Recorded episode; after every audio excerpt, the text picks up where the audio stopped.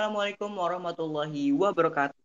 Halo warga SMP Al-Azhar Budi Cibinong. Selamat datang di podcast resmi OSIS SMP Al-Azhar Budi Cibinong bersama dengan saya Akbar Noval dan dengan dua orang lainnya yaitu Adiat Makausar dan Riza Rashid. Say halo. Halo. Nah, oke. Okay. Jadi untuk episode kali ini jangan lupa kalian untuk menyiapkan uh, waktu kalian yang luang jangan sampai tugasnya ditunda-tunda buat dengerin podcast ini tapi podcast ini tujuannya untuk nemenin kalian ya istilahnya bisa ngabuburit lah sambil nunggu buka puasa kalau misalnya kalian belum dengerin episode-episode sebelumnya bersama dengan Arinda dan juga Herunisa silahkan di dengerin dulu podcast episode sebelumnya biar bisa nyambung lah istilahnya di podcast ini. Oke, jadi untuk Adit dan Riza gimana kabar semua? Sehat. Alhamdulillah. Alhamdulillah sehat. Gimana puasanya udah ada yang bolong atau males-malesan? Masih wow. lancar. Alhamdulillah. Oke, jadi di puasa ini nih tadi uh, kemarin itu aku udah nanya-nanya ke beberapa orang. Contohnya ke Afifah, ke Silvan, terus juga tadi kayak ke Nisa, sama ke Arinda tentang vibes Ramadan nih atau keadaan di bulan Ramadan tahun ini. Kata banyak orang, keadaan Ramadan tahun ini beda sama Ramadan tahun kemarin. Menurut Riza gimana? Sebenarnya iya sih beda banget.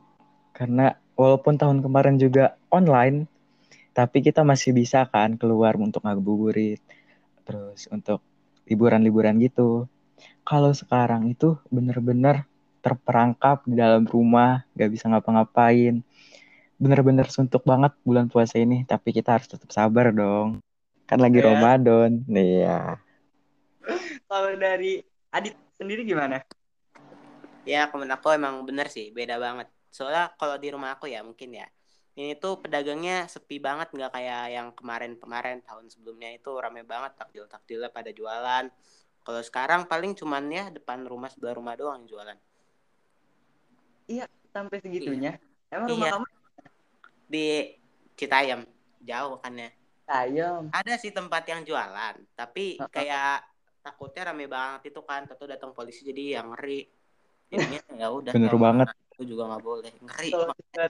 ASDC ya itu bener rame parah. Itu tuh jadi kayak orang-orang tuh jualan apa aja dah. Ada yang jualan peti jualan takjil jualan gorengan jualan semuanya ada di situ. Jadi kayak mungkin orang-orang tuh udah mulai lupa kali ya. Maksudnya kayak tetap ingat ada covid tapi nggak usah dibawa pikiran juga gitu nggak sih? Iya betul. Kayak bener banget. Oh, orang-orang tuh kayak oh udah kita santai aja lah gitu dan emang ternyata angka penurunan COVID ini udah mulai drastis lah turunnya. Nggak kayak kemarin kan banyak banget nih kasusnya ini itu ini itu. Menurut Adit nih kalau misalnya kasusnya udah turun apa larangan mudik ini seharusnya emang tetap dilaksanakan biar COVID atau kasus COVID-nya ini makin naik? Atau tetap aja dilaksanakan eh atau nggak usah dilaksanakan. Jadi mudik itu tetap aja asal ada protokol kesehatan gitu. Kayaknya mending kita boleh mudik tapi kita protokol kesehatannya tetap gitu. Soalnya kan buktinya yang kemarin aja ada yang kayak nikahan atau aurel sampai pemerintah diundang itu nggak apa-apa kan? Asalkan protokol kesehatannya dipakai ya. Mungkin kita juga seharusnya nggak apa-apa dong. Soalnya kita udah protokol kesehatannya itu udah lengkap gitu aja kalau dari keluarga sendiri ada rencana mudik nggak, Dit? Ada sih niatnya. Cuman nggak tahu katanya di sononya diblokir takutnya jalannya jadi masih ditunda dulu deh. Oh ya berarti masih nggak menentu ya karena berita itu. Iya. Oke dari Riza nih, gimana sih apa harus dilakukan nih dari pemberhentian-pemberhentian di gerbang tol misalnya wah ini dari Jakarta nih balik balik balik gitu atau gak usah dilakuin kayak oh udah mudik mah mudik aja asal protokolnya ada gitu kalau menurut aku ya ini tuh jangan dilaksanain deh soalnya Indonesia ini belum benar-benar nol walaupun udah jadi dikit kan bisa aja.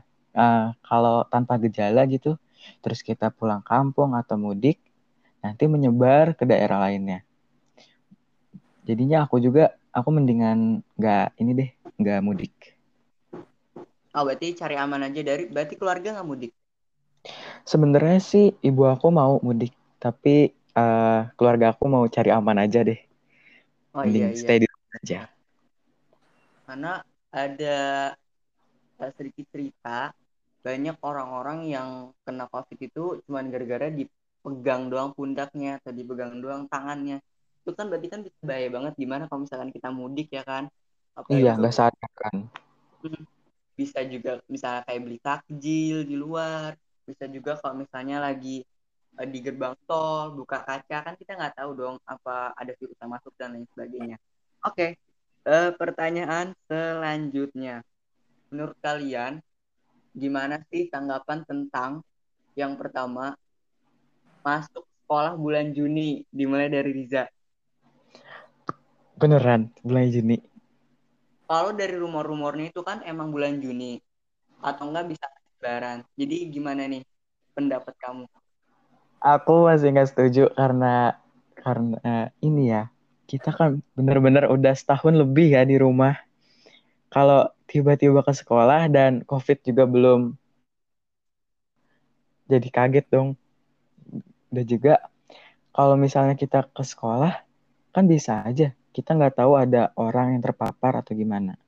Apalagi kan kita juga belum uh, masuk usia dewasa ya, jadi masih rentan terkena COVID gitu, lebih lemah imunitasnya. Itu sih menurut aku.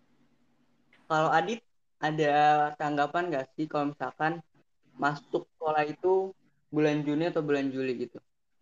Tanggapannya kayaknya kalau menurut aku sendiri ya, kayaknya mendingan masuk sih. Soalnya jujur aku sendiri itu kalau online kurang ngerti sama materinya itu kurang ngerti. Jadi gimana ya? Kalau mau nanya langsung kurang enak juga gitu.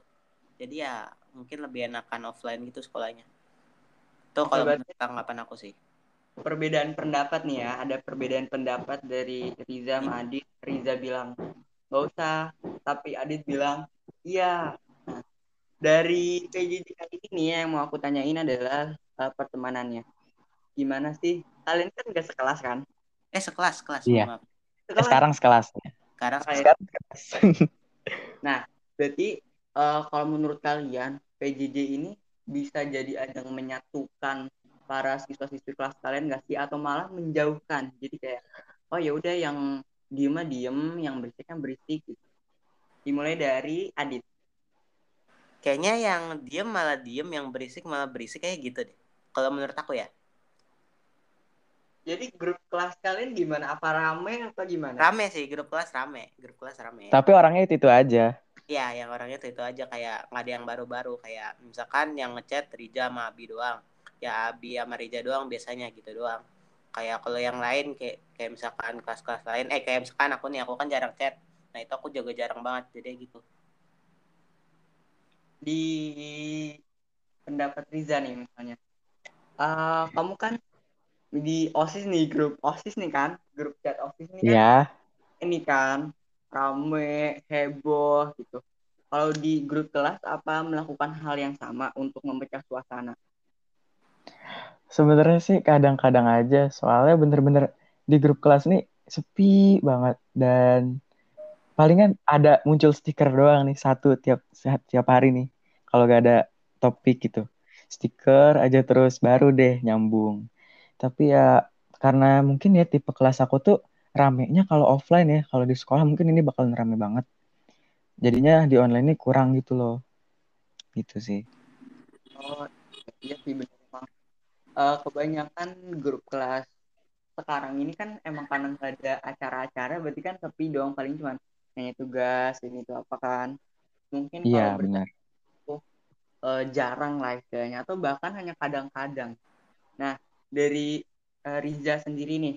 Kalau misalnya dilihat dari lingkungan pertemanan kamu atau kelas kamu atau lingkungan di luar sekolah kamu itu biasanya suka apa kayak heboh nyerocos gitu melihat keadaan atau emang ke semua orang?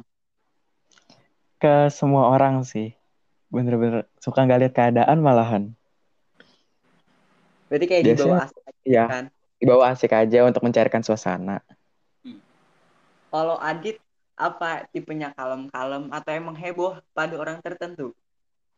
Ya kayaknya heboh bagi orang tertentu dah. Kayak contoh gue heboh ba- eh aku heboh bagi Silpan atau bagi Keke ya gitu gitulah. Hmm.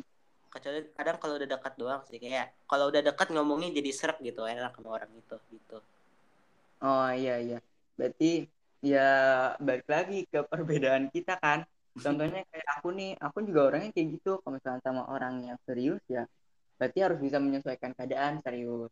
Kalau misalkan sama orang yang biasa-biasa aja, dia bisa oh, diajak bercanda bisa, dia diajak terus bisa, ya berarti kan harus bisa menyesuaikan keadaan kan. Oke, lanjut ke pertanyaan agak serius. Mulai serius nih ya. Dari SMP Al Azhar Sifawdi Cibinong, SMP tercinta. Si gimana sih menurut kalian penjelasan, penugasan dan lain sebagainya selama pembelajaran jarak jauh dari rumah itu gimana? Dimulai dari Adit. Wah bisa ulang bar tadi suara putus-putus bar. Oh ya, sorry, sorry. Jadi gimana sih menurut kamu tentang penjelasan guru-guru ataupun penugasan ataupun kegiatan dari SMP Al Azhar Cibinong selama PJJ dari rumah? Apakah ada keberatan ataupun ada masalah-masalah yang muncul dan sebagainya? Kalau keberatan kayaknya sih enggak ya. Cuman kadang kitanya aja males gitu kan. Soalnya ini HP udah di tangan kita kan. Kita bebas mau ngerjain tugas atau mau main HP, mau lihat sosial media lah, apalah. Cuman kayaknya Hmm. jadi lebih males aja gitu kalau di rumah. Kayak gitu. Berarti suasananya emang gak mendukung ya? Iya. Kalau dari Riza sendiri gimana? em, sesuai mood sih untuk ininya atau penjelasan gitu dapat dipahami atau enggak. Kalau emang mood aku lagi bagus ya gampang pahaminya. Sebenarnya menurut aku sih ya gurunya penjelasannya bagus dan tapi tugasnya sebenarnya cukup. Tapi emang akunya aja mungkin yang males ya. Ya jadinya nggak sesuai lah gitu. Jadi kondisi rumah aku juga eh, agak membosankan, tidak ada hal yang baru. Aku makin males aja gitu. Oh iya iya. Oke, kita akan lanjut ke pertanyaan selanjutnya nih buat Adit sama Riza. Kalian ini kan pernah dong ke sekolah karena kalian anggota OSIS nih. Kalian pernah kan ke sekolah kan? Pernah dong. Nah, nah, pasti kan banyak dong orang-orang yang pengen buat ke sekolah sekali aja buat ngeliat sekolahnya. Untuk kesan pertama setelah sekolah di renovasi, dibagusin, apalagi kayak kemarin misalnya perpustakaan nih, perpustakaan kan udah ada eh, furnitur-furnitur yang bagus-bagus gitu di pojokan. Gimana menurut kalian? Dimulai dari Riza. Itu bener-bener bagus banget, kaget gitu. Ini beneran perpustakaan atau kantor gitu. Bener-bener kayak berubah banget ini sekolah tuh. Bagus banget sih sekarang. Dulu juga sebenarnya bagus, tapi sekarang bener-bener kayak menenangkan su- suasana hati gitu. Jadinya adem banget ngeliatinnya.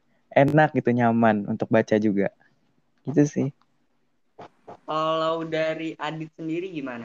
Ya aku juga sama kayak Rija. Contohnya juga sekarang selain perpustakaan ada juga toilet kan. Nah itu toiletnya bener-bener bagus banget. Udah kayak toilet di bioskop-bioskop gitu kan. Itu bagus banget sih. Aku kira malah itu di bioskop awalnya. Eh ternyata di sekolah. Iya, jadi awalnya itu emang aku taunya tuh dari salah satu kakak kelas. Nah, kakak kelasnya ini tuh bikin instastory di second account-nya. Nah, terus ada temen kelasan aku dong yang screenshot. Terus dikasih ke aku kan. Terus keren aku, ah ini mah bukan di SBC kan. Bener kata Adit, emang ini mah di bioskop kali. Mana ada di SBC kayak gini. Eh, taunya di apa ya kayak di musik videonya SBC yang terbaru pada tahu kan? Tahu, Iya. tahu. Kaget Berarti banget itu. Iya kan. Terus jadinya, oh ya udah emang berarti bener, berarti nggak bohong. Oke selanjutnya untuk acara Riyadhah Ramadan kemarin. Untuk acara Riyadhah Ramadan kemarin, apa sih pesan kalian? Apa itu seru atau itu bosen? Atau seru tapi agak bosen? Atau seru tapi kurang bercandanya nih gimana? Dimulai dari Adit. Kalau seru sih kayaknya lumayan lah lumayan menarik. Soalnya ada kuis-kuis gitu juga kan. Hmm. habis itu dongengnya juga itu dongengnya seru banget parah. Setelah itu yang bagus lagi apa ya sama materi-materinya lumayan tapi yang kurang kalau aku kayak baca Al-Quran gitu doang. Seharusnya kita kan kalau di Ramadan kayak gini kan seharusnya banyakin baca Al-Quran gitu lah kan minimalnya. Tapi itu cuman sekali doang kan pas di hari kedua ya kalau saya subuh-subuh itu. Iya iya iya. Bener. Makanya aku juga agak kaget karena dulu di SD aku kan ASBC dulu SD-nya dan di SD itu emang yang banyak tuh acara ngajinya tadarusnya gitu. Jadi kayak dibikin kelompok. Mungkin karena uh, apa ya udah terlalu banyaknya materi gitu jadinya uh, gak sempat buat tadarus Quran. Nah, Kalau dari Riza sendiri gimana? Seru, tapi gimana ya? Terhalang oleh COVID-19 ini bener-bener merubah segalanya. Jadi gitu deh. Jadi bener-bener beda banget. Aku juga pengen ngerasain kayak Riado Ramadan kayak di SD-SD gitu kan. Tapi yeah, iya. ternyata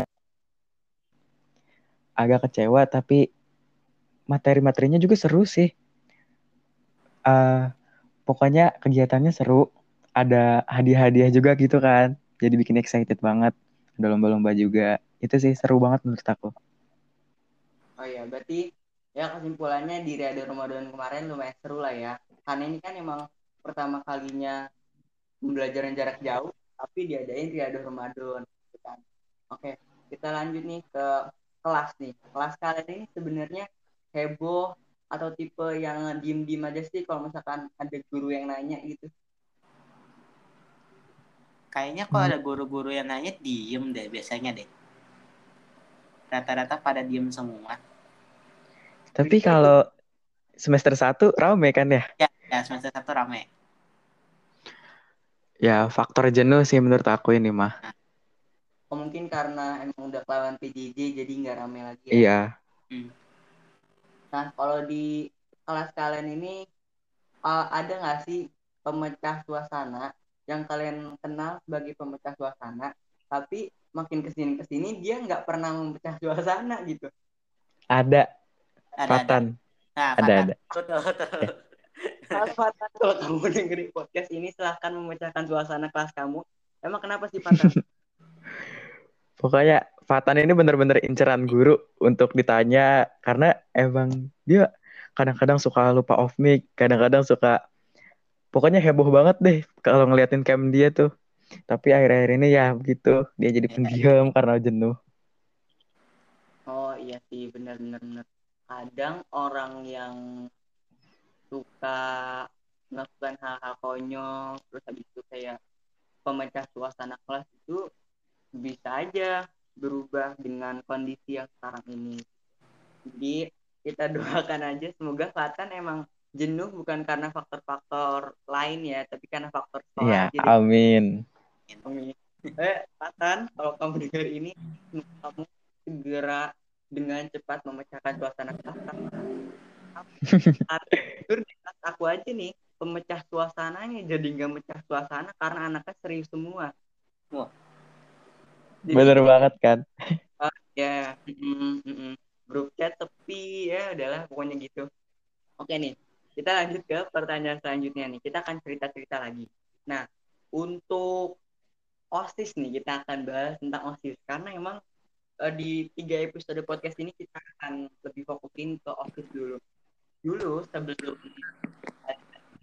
OSIS, sebenarnya OSIS itu gimana sih menurut kalian? Dimulai dari Adit osis itu menurut aku nih. Ya kalau menurut aku kalau untuk sekarang ya kayaknya cuman buat itu doang deh. Membantu membantu buat ngadain apa acara-acara gitu-gitu doang sih kayaknya. Kalau membantu kayak membantu sama kayak buat ngasih tahu kalau ini hari ini loh hari ada peringatan misalkan mau Nabi kayak kemarin. Gitu-gitu doang sih kayaknya kalau dari yang OSIS tahun lalu, ada ini nggak sih? Maksudnya ada nggak sih yang pengen kamu lakuin kalau misalkan kamu tuh posisinya ada di OSIS tahun lalu? Kalau yang aku tahu ya, katanya nih, kata yang OSIS angkatan lalu, kalau yang itu tuh enaknya tuh yang kita buat kepemimpinan itu apa sih namanya? Lupa aku. LDKS nah ya LDKS katanya seru itu doang cuman karena kita kan mungkin juga lagi corona gini kan jadi kita nggak boleh keluar ke mana-mana jadi ya kurang seru juga kurang menyenangkan gitu oh iya kita juga nggak ada ini ya kita osis ya LDKS kan dulu kan pas Iya. LDKS kan ada pengurus osis yang ikut juga kan ya Heeh. Iya bener. itu ayo kita cerita cerita LDKS Eh, dulu kalian tidurnya di tenda sebelah kiri tengah apa sebelah kanan Sebelah kanan. Aku sebelah Berarti, iya ya aku juga kayaknya sebelah kanan. Berarti kita satu tenda dong? Emang iya ya? Gak nyadar tahu. aku juga lupa udah lama kan. Kanannya itu kanan dari lapangan. Kanan dari lapangan, iya. eh enggak aku tengah deh aku tengah. Iya aku tengah kayaknya deh. Soalnya yang paling pojok kiri itu yang tempat buat osis yang tahun kemarin kan kalau nggak salah ya.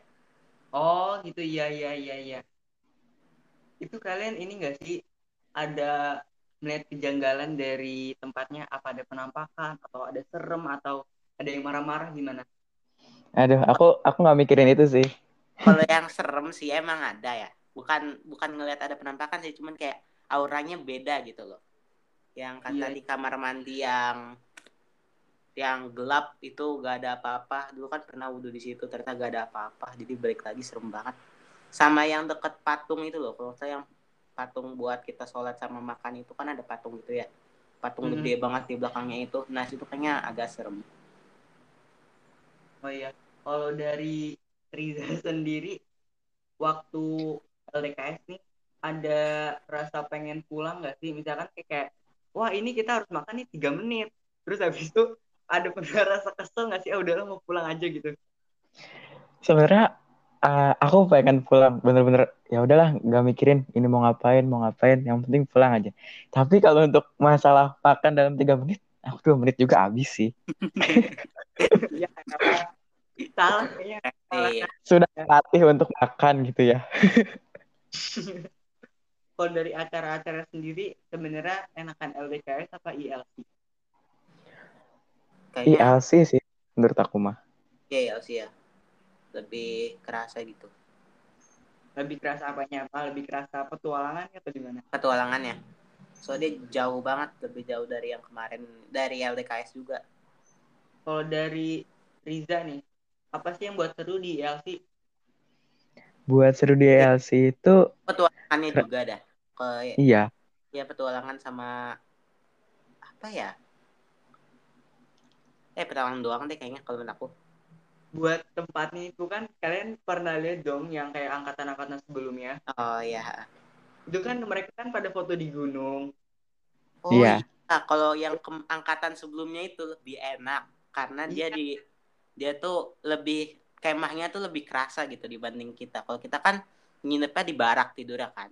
Sedangkan kalau angkatan sebelumnya itu kayak ngebangun tenda tidurnya di bawah kaki gunung kayak gitu-gitu. Jadi kayaknya kalau yang angkatan sebelumnya lebih kerasa gitu LC-nya terus mereka kan juga pakai jas hujan tuh kan ke air terjun ya kan? Emang iya iya, ya? benar. Iya kayak itu iya. aku kan tahu ntar postingannya Alten 12 kalau nggak salah tuh ada. Apa kelasnya 71 yang tahun-tahun tahun lalu ya? Pokoknya di situ ada. Dan pas kemarin aku pakai jas hujan tuh kira aku mau ke air terjun. Karena di situ ada pantainya air terjun belok kanan. Oh oh iya iya emang benar benar Iya, benar Soalnya kita nggak parah banget. Wah udah hancur ekspektasi dah. Kalau di ILC itu menurut kalian lebih galakan eh apa sih bilangnya ya? Pelatih apa ya? Lebih Pelatih, tegas. Iya. Pelatih. Iya, mungkin pelatih ya. pelatih.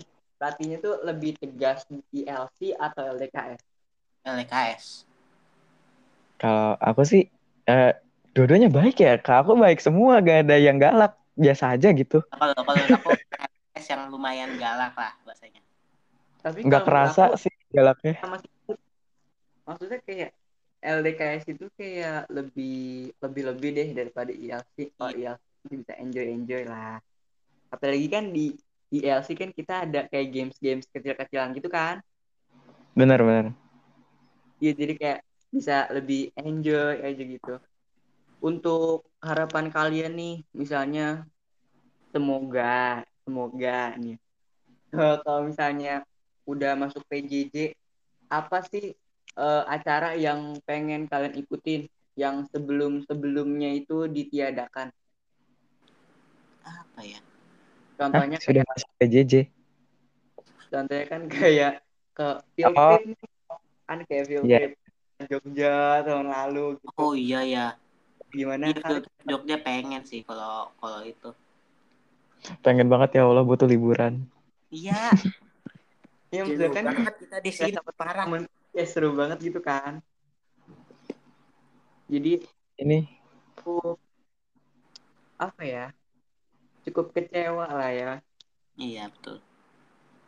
mana gak ke Jogja gitu kan ngelihat foto-foto dari angkatan-angkatan lalu yang ke Jogja tuh kayak ah cemburu banget nih dia ke Jogja kita cemburu langsung itu. Oke oke oke. Dari aplikasi itu kita lompat ke OSIS ya karena sekali lagi episode ini kita fokus ke OSIS. Nah, menurut kalian kalau OSIS tahun ini kan kita kan PJJ.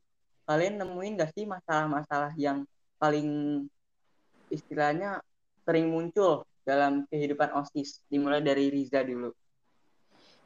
Banyak banget, bener-bener banyak. Karena kan kalau PJJ gini mau ngapa-ngapain susah ya.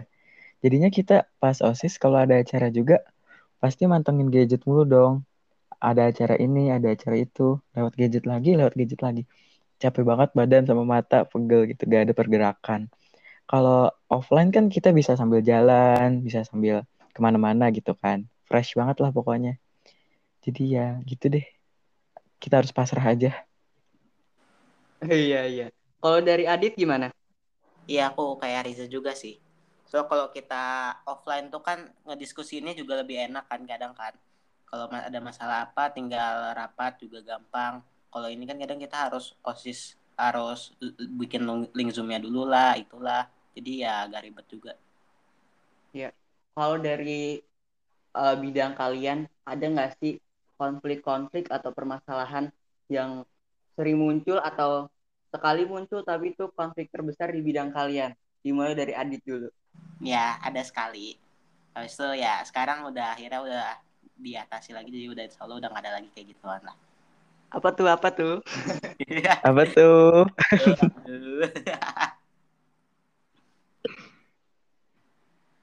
Ayo spill spill. Ayo sebutkan. Nih, sebutkan. ini ya sebutannya. Tapi nggak anonim ya namanya ya. Jadi tuh karena mungkin aku juga salah ya. Jadi pas waktu itu kan pas ngebuat flyer, mungkin karena aku nggak tahu juga kan, Toto udah disuruh buat flyer lagi kan. Sedangkan yang anggota aku tuh nggak nginfoin. Jadi Toto udah kebuat kan. Nah Toto pas itu anggotaku dia eh, kayak itu ke Akbar apa bar ngasih tahu kalau dia kayaknya udah stres gini-gini akhirnya Akbar ngasih tahu aku Nidit anggota kamu ada yang gini oh ya udah nanti aku kasih tahu akhirnya aku kasih tahu udah deh masalahnya selesai Oh, berarti lumayan lah itu konflik terbesar di bidang kamu ya istilahnya. ya. iya Dari Riza nih bidang Riza, bidang politik ya. Iya benar. Apa permasalahan terbesar? Tidak ada. Saya sangat bangga dengan anggota saya. Sangat rajin sekali. Benar-benar. Bener. Ini tuh kalaupun gak terlihat di OSIS gitu. Sebenarnya mereka tuh kerja semua. Bener-bener. Ya Allah, ini anggota kok baik-baik banget gitu sampai kaget. Padahal ketuanya aja kayak begini kan, ketua bidangnya. Tapi anggotanya rajin-rajin banget. Gak ngerti lagi nih, bener-bener kaget aja gitu. Untung aja dikasih anggota kayak gini sih. Beruntung banget. Kalau misalnya anggota bidang politik sedang mendengar ini, dengarkan kata-kata dari koordinator ya. Iya, mantap sekali pokoknya deh. Lo ini ya. Katanya koordinator ini bangga. Ayo tepuk tangan dulu ya. Traktiran nanti kita. Kita lanjut ke pertanyaan selanjutnya. Dulu waktu sebelum jadi osis pasti kan bener-bener gak ada gambaran dong emang permasalahan osis gimana sih permasalahan osis gimana sih ini gini itu kan menurut kalian apa sih yang bikin repot jadi osis dimulai dari Riza Yang bikin repot dari OSIS sih sebenarnya gak ada ya. Uh, have fun aja. Cuman ya mungkin karena ini organisasi ya pasti ada yang berbeda pendapat. Itu aja sih yang aku kayak rada hindari. Gak pengen gitu berbeda, berbeda pendapat karena kalau berbeda pendapat nantinya bakalan mecah lagi mecah lagi gitu. oh gitu berarti kalau dari Adit gimana Kalau aku sih apa tadi pertanyaannya? Salah sih. Soalnya kan kalau misalnya sebelum jadi osis kan kita kan nggak tahu nih apa masalahnya ini itu ini itunya nah sekarang udah jadi osis udah tahu dong berarti bisa disebutin nggak hal-hal yang bikin repot jadi osis Oh ya, ini kalau untuk bidang aku sih ya, kalau yang paling repotnya itu buat flyer pasti. Soalnya kan kadang ada juga yang dari bidang lain buat suruh upload flyer juga kan. Nah sebelum sebelum diupload itu juga kita rapihin dulu flyernya kadang gitu. Jadi yang repotnya ya cuman flyer itu doang sih. Yang benar-benar repot dari segala repot itu doang.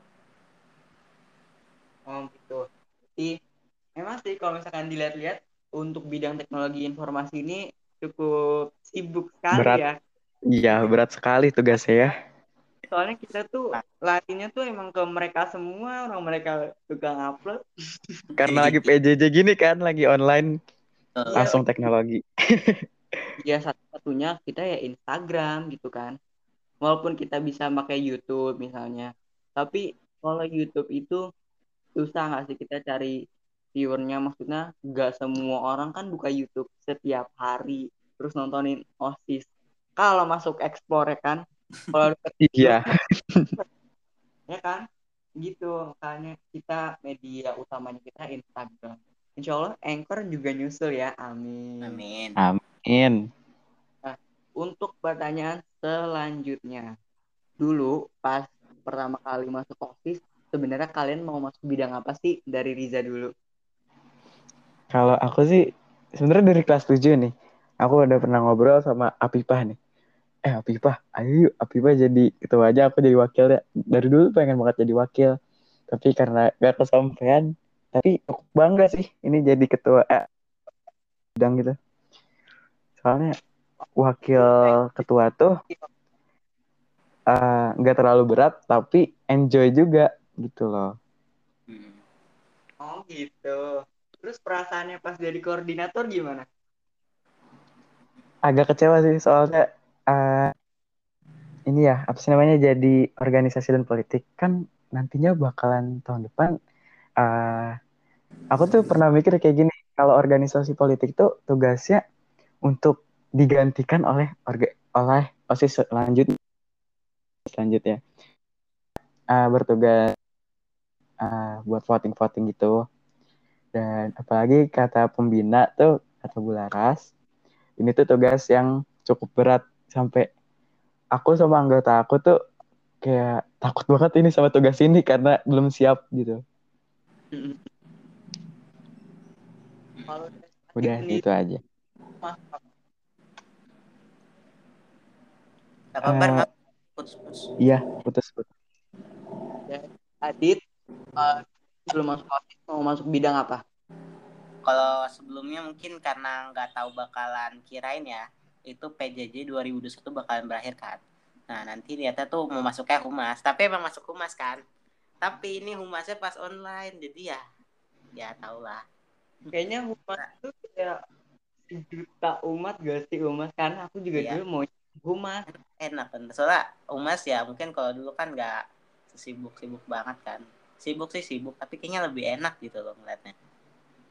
kalau humas itu kan hubungan masyarakat nah anehnya di osis tahun ini pas aku lihat ternyata nggak ada humas ternyata digantikan sama teknologi informasi dan ternyata teknologi informasi itu multi talent gitu jadi humas juga gitu. jadi kan kayak wah hebat nih yang masuk info gitu kan jadi kasih kepercayaan oke selanjutnya ini masih berkenan dengan OSIS karena kita masih fokus OSIS. Untuk OSIS tahun 2020-2021 ada yang mau diperbaikin nggak sih? Misalnya komunikasinya harus lebih kayak gini gini gini gitu. Dari Adit. Kalau yang mau diperbaiki kayaknya nggak ada deh.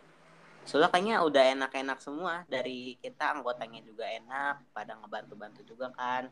Jadi yang lainnya juga sigap gitu loh. Jadi enak semua lah.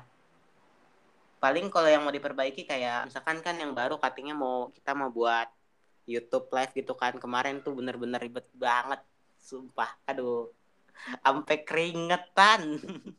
Itu Ih, bingung banget ini suruh gini, ini suruh gini ah ya udahlah.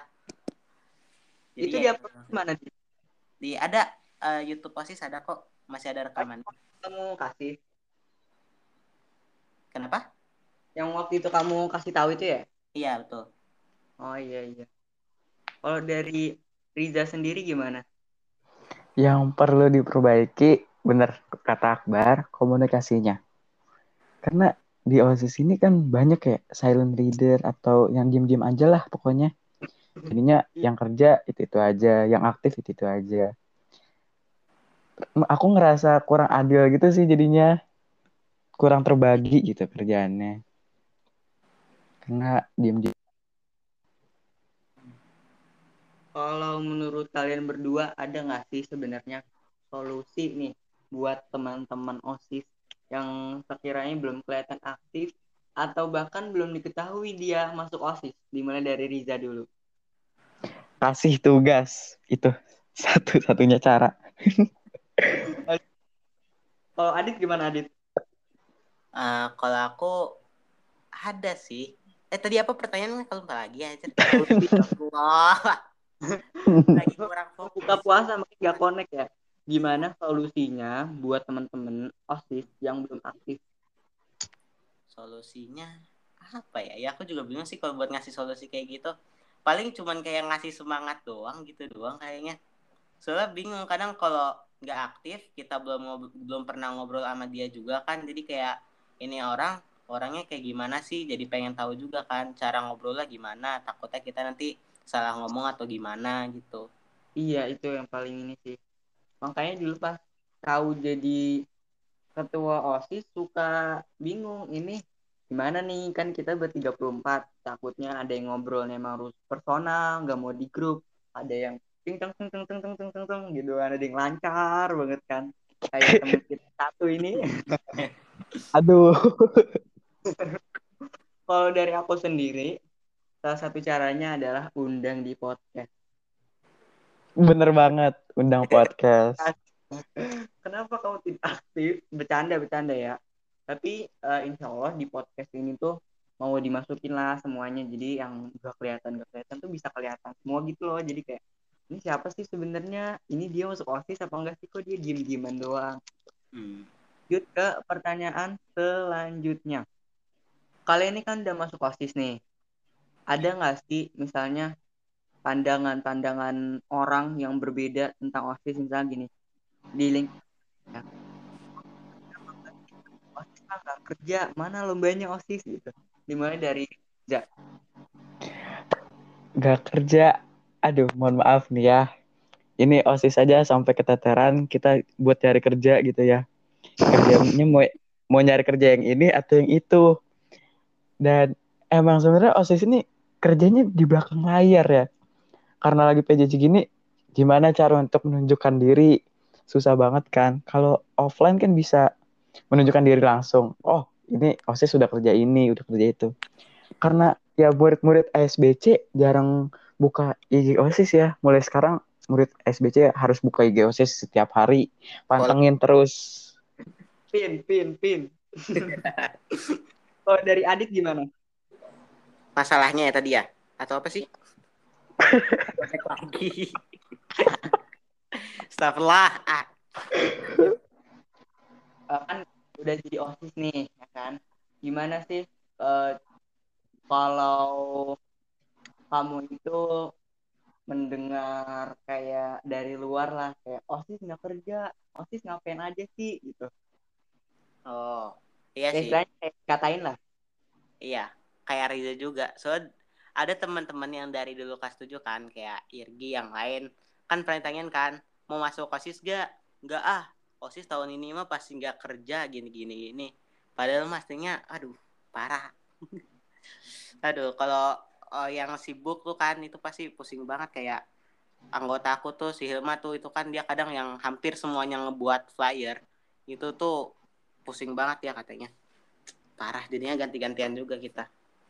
Gitu. Buat temen-temen nih yang abis ngomong kayak gitu nih terus mendengarkan podcast ini ada yang mau disampaikan nggak dari Riza dulu Pokoknya pantengin terus IG-nya kita lihat kerjaan OSIS tuh itu bejibun itu kerjaan OSIS di flyer-flyernya itu ada acara apa aja, ada flyer apa aja. Itu apalagi teknologi nih. Uh, bidang teknologi bener-bener kerja abis-abisan. Kalian ini cuman melihat tapi tidak mengapresiasi. Kita tuh harus nah, mengapresiasi betul, betul. di belakang gitu. Harus menyemangati terus. Pin pin pin pin pin kalau dari deh. Adit gimana dari Adit? Ya sama sih kayak Rida sih pokoknya sama banget. Soalnya kalau kita nggak dituin juga kan mana tahu kan. Soalnya kan ada juga mungkin anak yang nggak terlalu ngelatin IG lebih ngeliatnya kayak main game atau apa bisa kan banyak yang kayak gitu. Iya iya iya benar benar benar. Berarti untuk orang-orang di luar sana yang bilang osis tidak kerja apa Riza? Follow IG-nya, pantengin terus. Follow at osis underscore asbc uh, pantengin di situ 24 jam oke okay? tapi emang mungkin bisa kita lebih perbanyak lagi kali ya storynya biar kelihatan oh iya boleh boleh boleh bercanda bercanda ya santai satu yang bisa kita lakuin ya dengan Instagram ini kan gak selalu bisa kita publish dong di Instagram kan? Masa kita diskusi di WhatsApp mau kita publish gitu kan? Enggak dong. Tahu kan gitu kan? Selanjutnya nih buat Riza sama Adit nih udah mulai ke bawah suasana nih kan dengan pertanyaan-pertanyaan. Pertanyaan selanjutnya ini um, cukup menguras otak lah ya apa sih keluh kesah kamu selama menjadi anggota OSIS mulai dari Adit?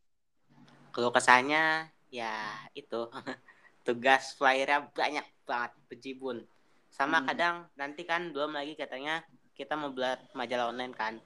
Habis itu tambah lagi nanti mau buat uh, buat apa akun web gitu kan supaya kita bisa ngejaga web gitu. Wah, pokoknya banyak deh. Habis itu buat nanti live YouTube misalkan ada kayak kegiatan apa, kita harus live YouTube-nya gitu gitulah jadi pusing juga. Gimana? Kalau dari aku ya kalau kesannya nggak seimbang. Setengah kerja setengahnya ya udah liatin aja gitu. Nggak berpartisipasi. Udah gitu kan nanti juga bakalan berhubungan sama teknologi. Pasti bidang teknologi nih yang ujung-ujungnya kerja lagi. Semuanya ya, ya. benar ke teknologi sih. Harusnya dibagi-bagi sih menurut aku mah karena ya, nggak seimbang. Iya ya. semangat ya Adit. Pastilah.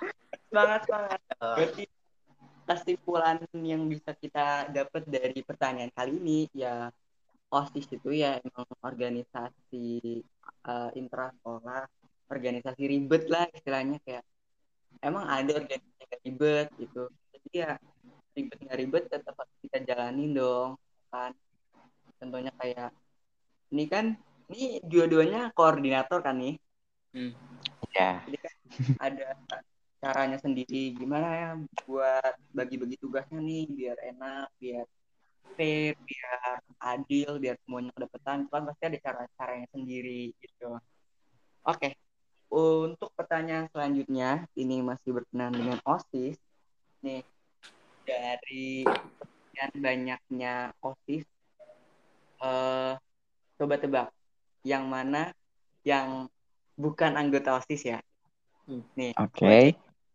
Nih, aku bacain. Siap-siap ya, siap-siap ya. Iya, iya, iya. Aduh. Kok panik ya? Eh, Iya ya, takut ya gimana gitu. Ya, ya, ya. Yang pertama,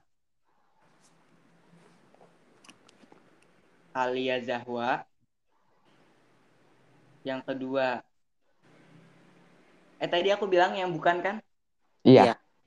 Oke, berarti kalian jawabnya yang bukan ya, yang bukan anggota OSIS. Yang pertama, Alia Zahwa. Yang kedua adalah dia siapa ya? Siapa ya? Ngecek grup grup osis. Kok tahu sih? Alia Zahwa, yang kedua Zelin. Yang ketiga yang ketiga yang ketiga siapa ya? Yang ketiga yang ketiga, aduh takut anggotanya nih. Pada yang ketiga, yang tadi yang pertama Alia Zahwa, yang kedua Zelin, yang ketiga Aliza. Yang mana yang bukan? Aliza. Ali. Aliza aku. Aku Aliza. Tadi tiga orang kan? Ya, Iya. aku Alia Zahwa, Zelin, Aliza. Oh ya Liza kayaknya. Aliza. Ica, Aliza, kamu kalau nonton ini mohon maaf kamu harus lebih aktif lagi. Kan ini tiga Ya Allah, maaf banget. Berarti al al al, al jangan ya? Eh, Alia. seinget aku Alia masuk tahu. Iya, Apa- Alien apa Granger. Ada alien lain lagi.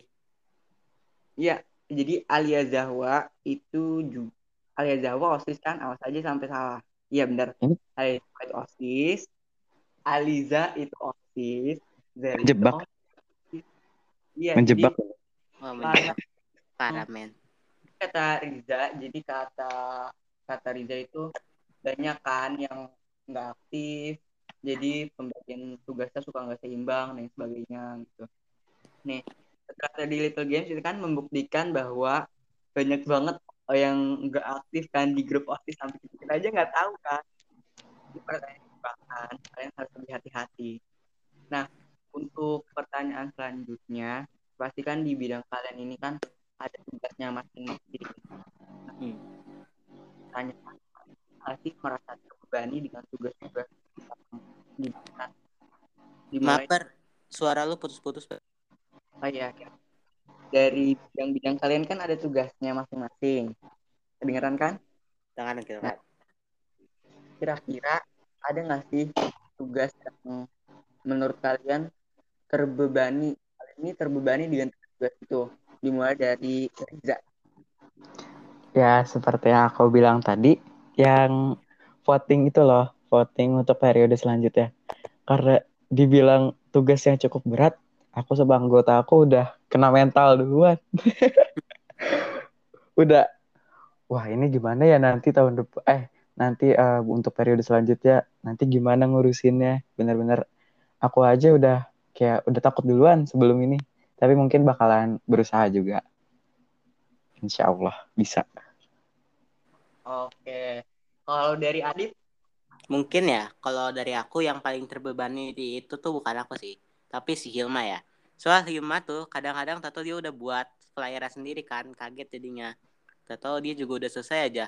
Tato udah tinggal ngupload tak sama tinggal tempelin ke template udah gitu doang.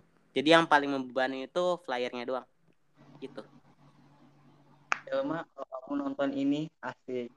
Hilma, kalau kamu nonton ini, ada yang mau disampaikan? Kayak acara-acara TV. Beri piala untuk Hilma. Hilma, edit of the year. Kan Paling rajin loh dia. Iya, gitu banget parah-parah. sampai kemarin aja lomba bikin kartu ucapan dia menang kan? Iya dia menang, parah. Hebat hebat. Tepuk tangan dulu buat Hilma. Mantap. Oke, dan pertanyaan selanjutnya. Gimana lingkungan pertemanan kalian di OSIS? Dimulai dari Rita. Mohon maaf tolong ulangi. Masih kurang paham. Gimana lingkungan pertemanan kalian di OSIS? Contohnya, ini nih asli tapi ada yang nggak asik ini nih gitu atau lingkungan pertemanan sih asik-asik aja cuman ya jawaban standar gimana sih lingkungan pertemanan Ah, Oke. Kalau menurut aku sih seru banget semuanya. Soalnya kan sebelum masuk OSIS aja aku nggak deket sama yang ada di anggota OSIS gitu. Bahkan sama Akbar aja aku nggak deket loh. Kayak ya udahlah kalau ketemu juga lewat-lewat aja gitu kan. bener-bener padahal kita deketan Iya, makanya rumah aku aja sampai nggak tahu kalau rumah Akbar tuh deket rumah aku. Jadinya "Hah, beneran gitu loh. Lah, ya cuma dua langkah doang itu kayak satu dua tiga empat sampai dua puluh langkah tuh sudah nyampe Semenjak masuk OSIS langsung banyak banget sih teman yang aku kira nih eh jangan-jangan ini orangnya judes. Ternyata baik banget. Emang don't judge a book by its cover sih. Jadi bener-bener keren banget. iya ya jadi di osis ini ada hikmahnya kan jadi bisa dikenal sama banyak orang kalau dari Adit sendiri gimana ya kalau menurut aku ya asik pasti asik. Udah ketahuan asik. Cuman mungkin karena aku sendiri jarang on juga ya kalau di WA on sih on tapi kayak mungkin kurang asik lah. Sama yang itu yang darinya tadinya kata Riza tuh kayak orangnya nih judes nih kayaknya. Eh ternyata baik seru gini-gini. Ya itu emang ada sih. Di bidang aku ada. Kayak gitu pertanyaan terakhir. Wih nggak terasa ya udah di akhir podcast episode ketiga nih ya. Sudah tenggelam dalam podcast ini mah. kan seru kan? Seru banget. osis menurut kalian apa sih artinya dimulai dari Adit apa apa tadi suaranya keputus bar maaf. Osis menurut kalian apa sih artinya? Osis artian dalam kita atau artian da- yang sebenarnya gitu? Artian dari kamu aja. Oh kayaknya osis itu komen aku orgina organisasi guru-guru sama murid-murid dalam menyediakan misalkan kita ada event apa nih nanti kita yang bantu gitu-gitu. Udah situ doang. Dapat gak sih rasa kebersamaannya di dalam osis menurut kamu di mungkin karena lagi PJJ gini jadi mungkin kurang dapat menurut aku sih. Oh ya berarti kan karena kita hanya mengandalkan handphone untuk nah komunikasi ya kan? iya betul kalau dari Riza sendiri apa arti osis bagi kamu? Kalau dulu sih arti OSIS buat aku itu kayak buat keren-kerenan aja lah, senioritas gitu kan. Tapi semenjak aku masuk OSIS, berbeda banget. Keren pokoknya kayak, ah kirain OSIS kayak gini-gini gini. Kirain OSIS, ah pokoknya dulu tuh aku mikir OSIS tuh kayak negatif banget gitu. Kayak buat keren-kerenan doang lah. Tapi ternyata OSIS tuh bener-bener kayak memandu sekolah gitu. Memban- memandu para murid. Mantap lah OSIS tuh. Berarti bangga kan nih bisa jadi bagian dari osis Bangga bangga. banget. ya apalagi kan karena kita kelas tujuhnya kan emang belum masuk osis kan belum bisa masuk. Tuh. Iya. rasakan ini kayak wah bangga banget. Terakhir deh terakhir deh terakhir. Oke. apa? Ini benar-benar terakhir ya ini kayak udah mau sejam. Apa pesan kalian untuk teman-teman osis yang lagi dengerin ini? Atau calon-calon anak osis yang lagi dengerin ini? Pesannya apa? Dimulai dari Adit. Eh, pesan-pesannya ya apa ya? Oh ya. Eh, masuk osis itu kita tuh mentalnya bener-bener harus kuat kalau nggak kuat bener-bener stres dah pokoknya. Jadi mentalnya harus kuat harus kreatif juga. Sama kalau bisa ya jangan kreatif doang kalau bisa akademiknya juga bagus. Udah itu doang. Ada nggak sih yang perlu dipersiapin kalau jadi osis? Kalau yang perlu disiapin kayaknya aku sendiri ya jujur kalau aku sendiri nggak ada deh nggak ada yang perlu disiapin. Berarti udah tangan kosong aja masuk osis gitu ya? Iya. Catatan mental gitu ya. Oke oke oke. Siap siap. Ngerti ngerti. Eh, itu ya dengerin kata Adit. Lanjut ke Riza. Gimana aja Kalau kata aku sih sebenarnya bagus banget ini masuk OSIS. Jadi ya lebih dikenal sekolah juga. Astagfirullahaladzim. betul betul. Dan famous famous. Dan OSIS ini menambah pengalaman. Nanti juga kan kalau misalnya masuk SMA atau apa gitu, nanti tuh suka ditanya-tanyain masuk pernah masuk OSIS gak? Atau bahkan ditanya jadi ketua OSIS. Nah, itu tuh penting banget buat kehidupan kita juga, pengalaman kita. Pokoknya kalau di SMP itu kan harus perbanyak mencari pengalaman baru. Nah, OSIS ini cocok banget buat pengalaman baru kalian. Gitu. Ada nggak sih yang perlu dipersiapin buat jadi OSIS? Ada. Uh, banyak sih sebenarnya. Kalian tuh harus punya jiwa kepemimpinan.